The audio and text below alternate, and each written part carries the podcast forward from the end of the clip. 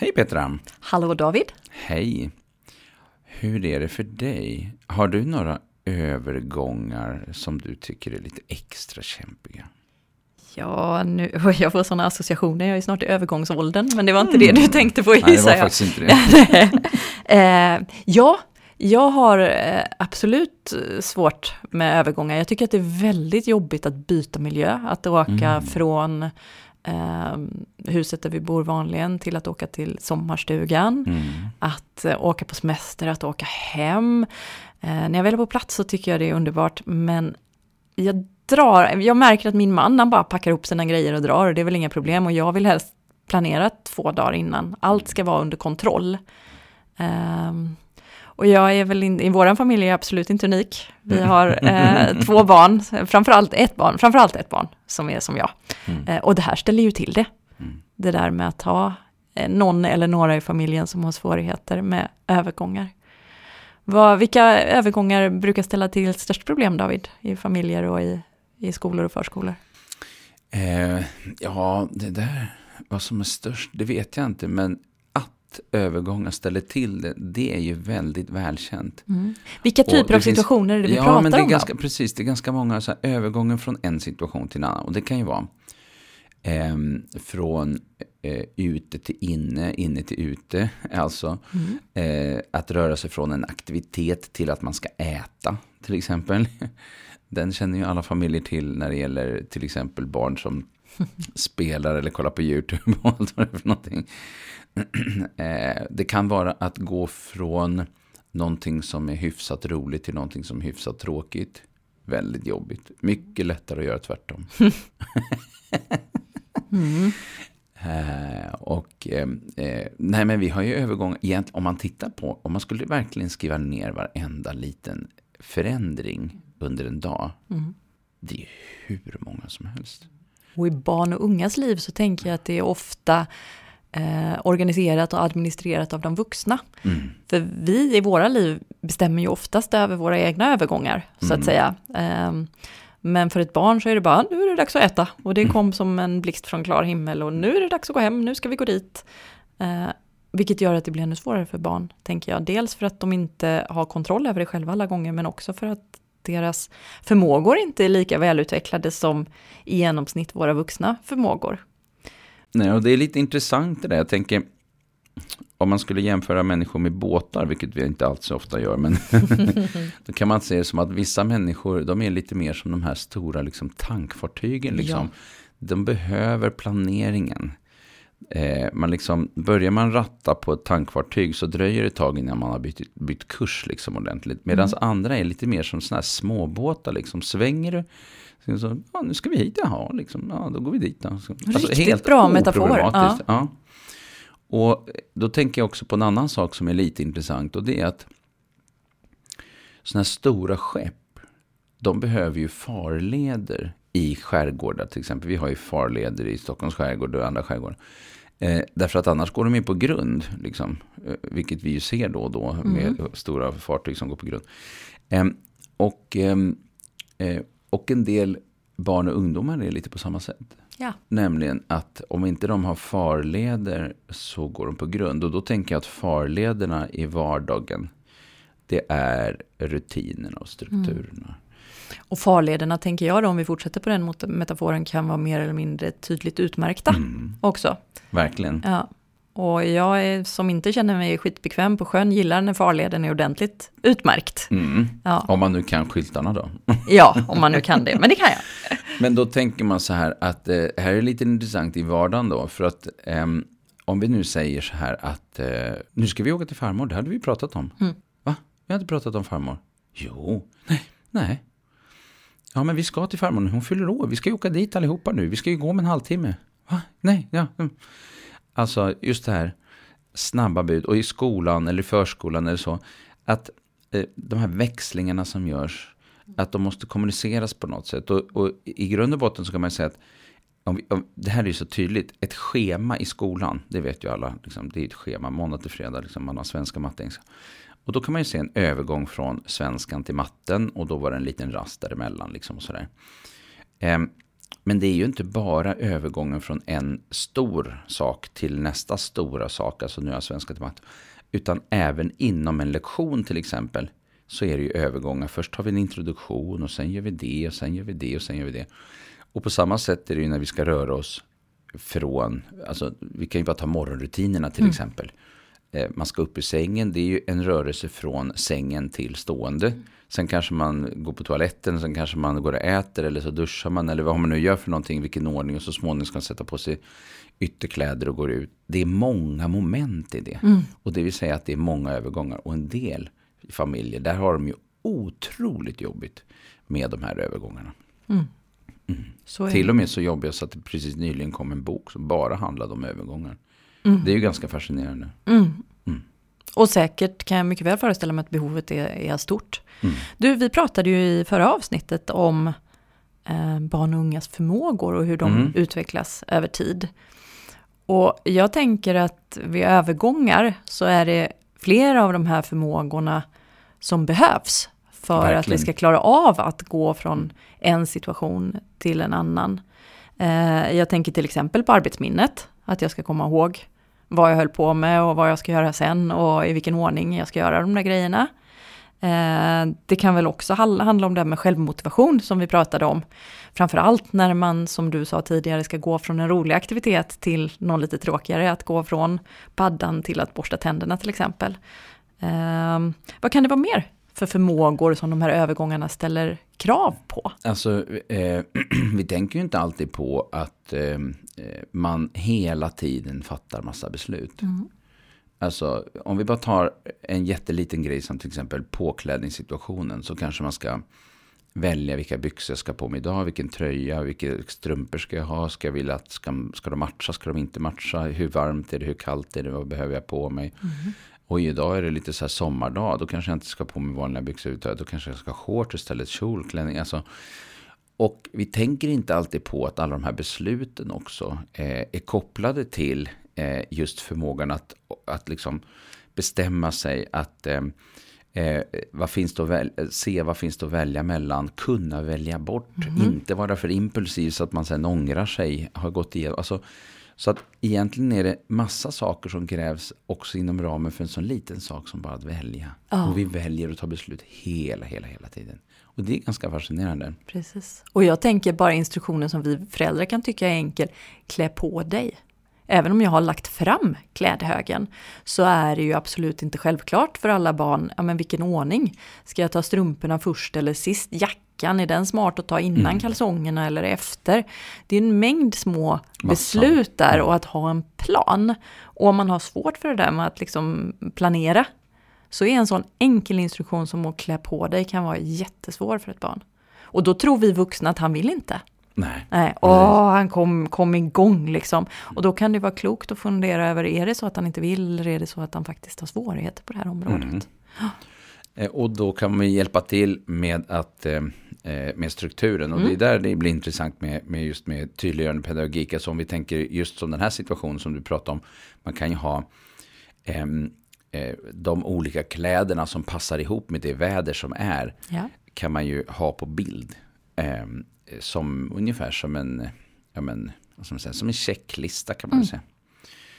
Um, och, och det kan vara oerhört hjälpsamt i vissa Och då sammanhang. kan de bilderna sitta i ordning också, eller mm. hur? Så du börjar uppifrån och ner och så på första bilden så är det kalsonger, på andra bilden mm. är det strumpor. Just det. Och så vidare. Ja. Precis så.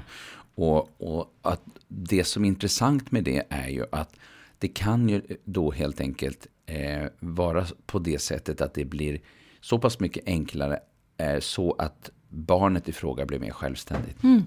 Alltså att vi rör oss emot ökad självständighet för att man klarar av att man, man följa den där gången. Mm. En del föräldrar tror nog att de gör barnet mindre självständigt och mindre självgående. Men vi kan inte hålla på och serva med allting hela mm. tiden och de måste ju lära sig att klara sig själva. Vad tänker du om det? Ja, dels att det faktiskt inte är, är något stöd i det egentligen. Eh, kunskapsmässigt så ser vi att det, att det att det här är, är hjälpsamt. Eh, men jag tänker också att det är en annan sak som är intressant och det är att när man, särskilt om man får vara med och skapa den där strukturen själv. Alltså man kanske går och kollar vad det är för väder idag. Ja, men titta, det är ju vinter ute. Ja, men då måste vi ha på oss. Och oj, då blir det ju vinterkläderna. Då ska vi ha vinterskor och viraller och ska allt möjligt. Eh, drar man med barnen i den där processen. Eh, då, eh, då blir det intressant för att då lär de sig ju eh, att tänka på att titta på väder eh, och relatera det till kläder.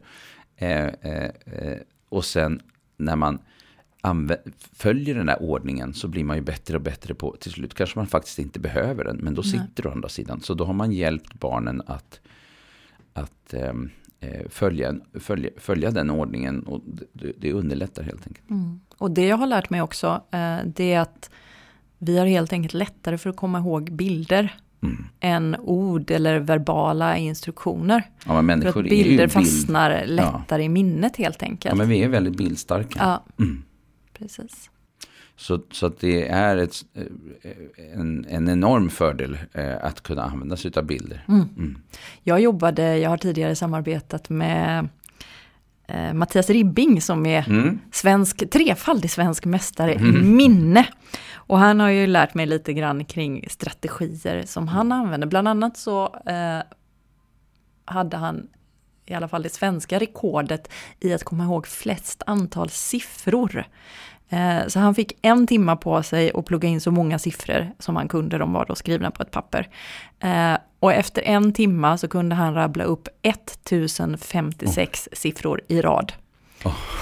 Ja, och det är ju inte så att han har, han har överhuvudtaget aldrig haft några siffror mm. i sitt huvud, berättar han för mig. Utan han har ju då, jag tror att han gjorde tresiffriga kombinationer. Mm. Så han har en bild för 1, 2, 3, en mm. bild för 1, 2, 4 och så mm. vidare. Och sen så det han har memorerat det är då bilder. Eh, och sen plockar han fram de här bilderna i rätt ordning när han ska skriva ner siffrorna. Eh, men det är en väldigt tydlig illustration av hur effektivt det är med bilder i jämförelse med med figurer och eh, ja, Oerhört, väldigt intressant. siffror. Ja. Mm. Vad är det mer? Tidsuppfattning tänker jag är någonting som kan ställa till det när det gäller övergångar. Mm. Verkligen. Eh, alltså, vad är, vad är en minut? Mm. Eh, vad betyder att bussen går om tio minuter? Eh, skynda dig. Vad betyder strax och snart? Exakt. Eh, eller som något barn sa, hur många snartar är det? Ja, vad underbart! ja. Nej, jag, vet, jag vet att när mina barn var små då försökte vi göra tid tydligt med hjälp av enheten Bolibompa. Ja men det är många som har kört ja, med så här, Hur lång tid är det kvar? Ja men det är ett småbarns Bolibompa. Ja. ja. Och det, det gav ju ändå en känsla. Ja precis. Eh, men det är ju jättesvårt det där med snart och strax. Ja, det är och så. det. Och, mm. och, det man kan behöva göra, eh, det är ju att tydliggöra tid mycket ja. större utsträckning. Idag finns det ju massa hjälpmedel för det. Vi har mm. ju appar till exempel, time timers och... Mm. Hur, ser, eh, hur funkar en time timer? Ja, men eh, dels har vi de här som eh, man kan ställa in den på 15 minuter och sen rör de sig bakåt liksom med, med mm. pluppar liksom som... Just det, en plupp släcks för varje minut. För varje, ja, mm. precis, eller någonting sånt. Eh, om det är varje minut eller varje tidsdel. Liksom. Ja. Men, men den rör sig olika hastighet. Så dels har vi den. Sen har vi en annan som, som liksom lyser rött, rö, helrött. Eh, alltså som en, en, vanlig klocka. Det är ungefär som en äggklocka mm. fast den har en röd skiva. Så ställer man den på en halvtimme. Då är, då är halva, halva röd. röd. Och sen så rör det sig, det röda minskar med för varje tidsenhet ja. som går. Eh, och, och, en kvart blir ju då en, eh, liksom precis just en, en kvart. Blir det en kvart då David eller? mm. uh, och, men, men det som är bra med de där, det är ju att eh, dels att de finns som appar är smart, eh, eftersom de kostar lite att köpa om, de, om man ska använda dem så. Men de är väldigt effektiva. Om man säger så här till någon att nu är det så här lång tid kvar, eh, eller nu ska vi äta snart, eller nu ska vi... Det är svårt att greppa. Mm. Men ställer man fram den här och så, när det, det, ringer eller när det är slut på det röda, då är det dags. Mm. Liksom, då ska vi... Mm. Och jag har också märkt att det kan äh, minska konflikterna faktiskt lite grann. Mm. För att då kan man förlägga ansvaret utanför sig själv. Så när barnet blir ledsen att nej, jag vill inte gå redan. Nej, jag vet. Och så ringer klockan. Det är trist att mm. tiden redan var ute.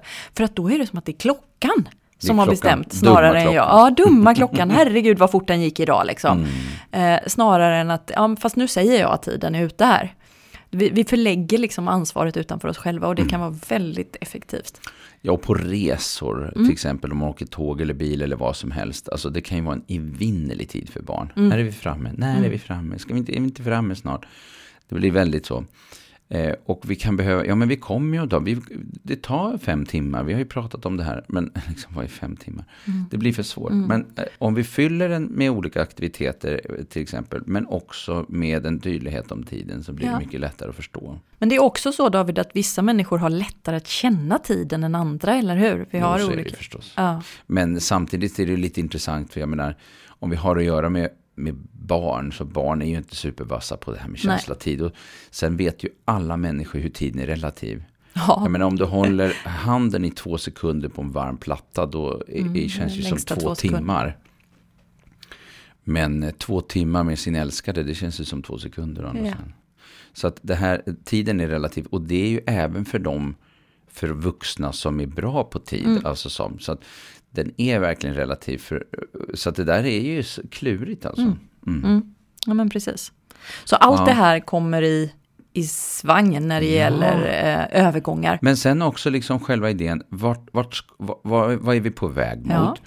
Ehm, vad är det, eh, eh, alltså vad ska vi göra, i vilken ordning ska vi göra det, vilka ska vara där, eh, känns det som att det här kommer vara intressant och kul, alltså det är massa olika delar som är betydelsefulla också Exakt. i det. Liksom. Och jag tänker att väldigt ofta så vet barnet faktiskt inte det. Man kommer och hämtar på förskolan och säger nu är det dags att gå hem. Mm. Ja men vad betyder det? Vad är det? Ska vi handla på vägen? Ska vi gå eller ska vi åka bil? Vad ska vi göra när vi kommer hem?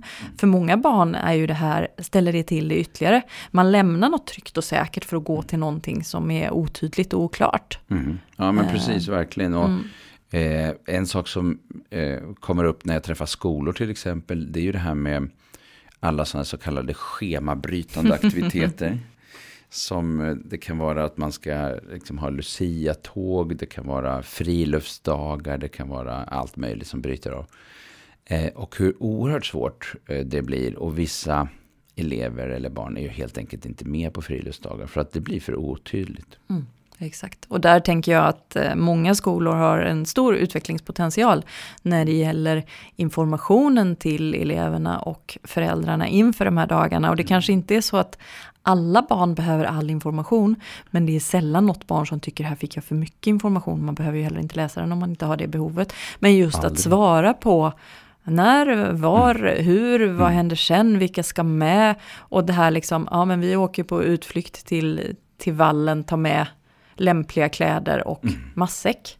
Just. Alltså shit vad mycket Lämpliga det... kläder och massor. Ja, vad betyder det, liksom? Och många föräldrar kanske kan klura ut det, men om barnet har lite svårigheter med övergångar och planera och strukturera och det här, då är det ju inte helt ovanligt att föräldern har vissa utmaningar på det området också, så där kan ju skolan verkligen hjälpa till. Ja, Och jag tänker att det är, det kanske tar lite längre tid att skriva det mejlet. Men risken att du får fem mejl där föräldrar ber om kompletterande information minskar ju betydligt. Så att du kanske förlorar tid när du skriver mejlet men du slipper svara på mejl istället. Så att man, man förlorar inte tid på det. Nej, sen tänker jag på en annan sak. Att eh, eh, egentligen skulle man kunna göra det till en pedagogisk situation. Okej, nu ska vi på det här stället. Vad är viktigt att ha med sig här? Mm. Eh, vad ska vi göra där? Ehm, eh, och sen kommer en lunch. Vad behöver vi då? Ja. Ja, men då ska vi ha massa. Okej, vad ska vi ha i Vad ska man ha med sig i matsäck? Och så använder man det. Det är ju ett oerhört bra lärtillfälle egentligen. Mm. Eller hur? Samt att barnen blir mer inne på liksom vad det är som ska med. Tänker kring det och sen skriver man ner det gemensamt. Mm. Så att, eh, ja. Men, eh, men visst, man ska ha mycket saker. Man ska gå igenom mycket i skolan så att man kan inte hinna med allt. Men, Nej, men allt det kan inte bli men- men- men pedagogiska situationer, men Nej. ibland skulle det kunna bli det. Absolut. Ja, Det finns ett annat värde i det också och det är den förberedelse som man då gör med barnen. Eh, och då tänker jag att det här kan man göra på hemmaplan också. Okej, vi ska till eh, eh, kusinerna på landet över helgen. Säger väl någonting. Nu ska vi träffa kusinerna. Eh, vad ska hända? Vilka är där? Eh, vad behöver man ha med sig? Eh, Varför inte sätta sig och fundera över det tillsammans med barnen? Exakt. Kan barn redan när de är fyra år börja fundera över vad man behöver ha med sig? Vad behöver du ha för kläder när du vaknar på morgonen? Mm. Alltså, mm. kan man jobba med de här sakerna, skriva ner dem eller använda bilder eller vad som helst. Men det, det är, blir ju en slags förberedelse för att vi ska åka dit. Mm. Och då kanske det helt enkelt också sen blir lättare. Och vissa barn har ju ganska svårt med föreställningsförmågan att liksom tänka hur är det på den här platsen? Mm. Vad, vad kommer vi att göra och så? Och då hjälper vi ju barnet genom att just prata om, om det innan. Ja, eh, vilket kanske i sig gör att övergången blir mindre svår för att det är inte lika okänt det jag ska åka till. Eh, jag, tänker, jag har tänkt på, jag har haft två barn som har haft jättesvårt med övergångar från eh, förskola, fritids, hem. Mm. Så jag har verkligen varit den där mamman som har fått stå och skämmas när jag ska hämta mina barn för de kommer springande och så ser de mig och så säger de Kom inte nu din jävla idiot, du kommer för tidigt! Och ja, med min utbildning och folk vet vad man sysslar med så kan det vara riktigt skämmigt när man står där och bara det finns kanske någon kurs jag skulle kunna gå i det här med föräldraskap. Ja, jag har verkligen stått där och känt mig lite smådum. Och jag har också eh, eftersom jag vet att de här situationerna är så jobbiga så mm. är jag ju på tå mm. redan när jag kommer dit. Och det är någonting som jag tänkte vi, vi kan prata lite om, det här liksom affektsmittan. För jag tror att jag har kommit in på både förskolan och fritids och bara signalerat att hoppas att det inte går åt helvete här nu.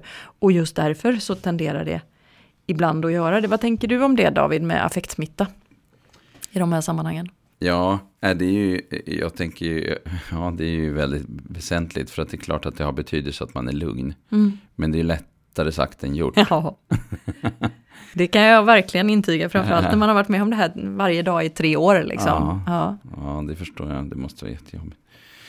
Eh, nej, men eh, affektsmitta handlar ju ändå om att eh, just eh, eh, eh känslan eller den affekten man har smittar eh, barnet. Så att eh, eh, det är ju lätt att gå igång om någon kommer skrikandes åt en. Mm. Att man går igång själv mm. och eh, hojtar tillbaka. Men det brukar inte bli så lyckosamt. Eh, men, eh, och det är ju en svår situation. Samtidigt så måste man ju då eh, på något sätt tänka att man behöver prata med personalen mm. kring mm. vad det är som händer och det som är svårt. Och varför det blir jobbigt. Och kanske till och med också säga att ja men det här blir ju förstås jobbigt för mig också. Alltså. Mm. Ja, att prata med barnen mm. försökte jag ju många gånger och det var ju helt meningslöst Nej. för att de var inte stora nog. De fattade ju naturligtvis när vi pratade om det att det här blir jättejobbigt och mm. jag vill inte göra så här. De var ju inte heller nöjda. Men sen kom ju de här förmågorna då som inte riktigt var, var på plats än med impulskontroll och affektreglering och sådär. Eh, det som till slut hjälpte för oss, det var ju att vi pratade med pedagogerna de hade möjlighet att förvarna att mm. nu är det liksom eh, småbarns bolibompa kvar till mamma kommer och så mm. vidare. Eh, det blev aldrig riktigt bra, men det blev bättre när det inte bara var så att ja, jag är ute och leker och så plötsligt står morsan där och ska sabba alltihop. Nej, liksom. uh. Så den typen av övergångar, den är, det, det är ju verkligen eh, kämpigt. Eh, vi har ju också andra eh, vägen så att säga. De som bara liksom eh, från klockan liksom ett, två ägnar flera timmar åt att undra när föräldrarna kommer. Ja. Eh, och båda de här två scenarierna blir ju jättesvåra att hantera för personal men också och, och för föräldrar. Men en sak som jag har sett som har hjälpt det är just det här med att kommunicera kring, kring rutiner och hur man gör. Ja.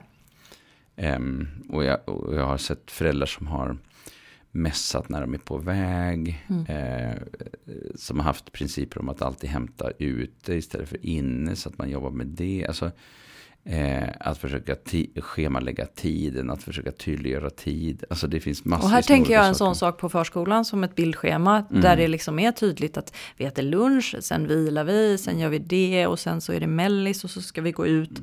För då blir det tydligt att man kan peka efter den bilden. Just det. Kommer din förälder. Mm. mm. Eh, men om man säger om två timmar så är det helt eh, värdelös information. Nej, liksom. Mm. Mm.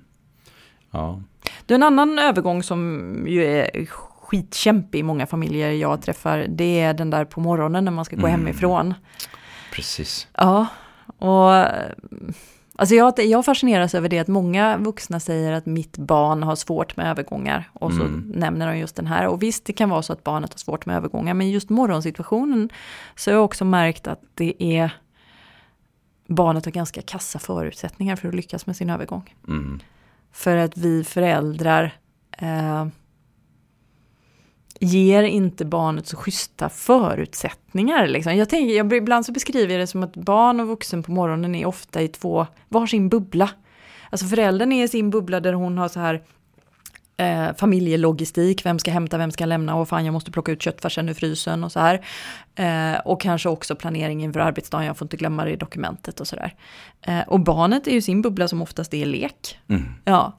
Eh, och föräldern brukar då liksom gå där på morgonen och så låter hon sin bubbla knuffa till barnets bubbla ibland på morgonen. Eh, Sätt på dig byxorna nu. Mm. Nu ska vi gå snart. Och, så. Men, och sen till slut så blir föräldern förbannad och så skriker hon högt och säger men nu får du för fan klä på dig, det är dags att gå nu, jag har ju sagt till dig. Och då spricker barnets bubbla och så blir barnet rädd och så blir allting jättejobbigt. Jag kanske bara hittar på här, det kan vara så att ingen lyssnare känner igen sig nu, men jag tror att det skulle kunna finnas viss igenkänning. Eh, och det jag har märkt är hjälpsamt i de situationerna, det är att liksom just tänka på att vi är två bubblor, att jag behöver lämna min bubbla på morgonen och gå in i barnets Mm. bubbla. Med lite varsamhet dessutom. Jag får liksom klä av med min bubbla och gå in i barnets bubbla och fiska med barnet ut därifrån. Så liksom, hej här sitter du och leker, vad, berätta vad gör du? Ja men de här bilarna har värsta tävlingen och jada jada. Ah, jag ser och det ser ut som den gula leder nu, är det så? Vad tror du kommer hända i nästa kurva? Och sen att liksom du, det är dags att sluta leka nu, eh, vi ska gå till förskolan, här är dina byxor. Så jag liksom tar in min information i barnets lek samtidigt som jag också visar barnet att jag är mån om din lek och jag förstår att den är viktig. Så ska vi lämna det precis som det är nu så att du kan fortsätta leka när du kommer hem? Eller är det bättre att parkera bilarna i garaget? Var sover de bäst? Eh, för att då visar jag att det är dags att bryta, men jag har också omsorg om barnets lek och visar att jag är mån om att den finns kvar när jag kommer hem. Just det. Och det tänker jag gör övergången lättare för barnet. Just det där att vi liksom varsamt går in och fiskar med barnet och visar att den här bubblan den finns kvar när du kommer hem. Och Jag det tror tror jag ofta vi ur- glömmer. Ja, det tror jag. Och jag tror att det där, är, det, det där som strategi är det där en strategi som jag tror man skulle behöva använda mycket, mycket oftare i alla möjliga sammanhang. Mm. Man ser barn, barn, ibland barn som hakar upp sig och surnar ihop. Eller eh, håller på med någonting på någon... De är ute på någon promenad, de ska röra sig från en plats till en annan och föräldrarna säger men kom nu, kom nu, kom nu. Istället för att möta barnet och sen göra någonting, kanske skoja till saker och ting eller prata om någonting eller se någonting. Och sen hjälpa barnet att lockas ut därifrån vidare. Att det är ofta mycket mer Precis. effektivt. Att fiska med sig Mm, barnet. Ska ja. vi se hur många träd vi ser på Mm, vägen hem? Ska ja. vi se om vi kan räkna dem Så, ihop? ja. Att gå in i och skapa samarbete och, och liksom allians och, och möte i leken. Ja. Genom leka och leka sig ur.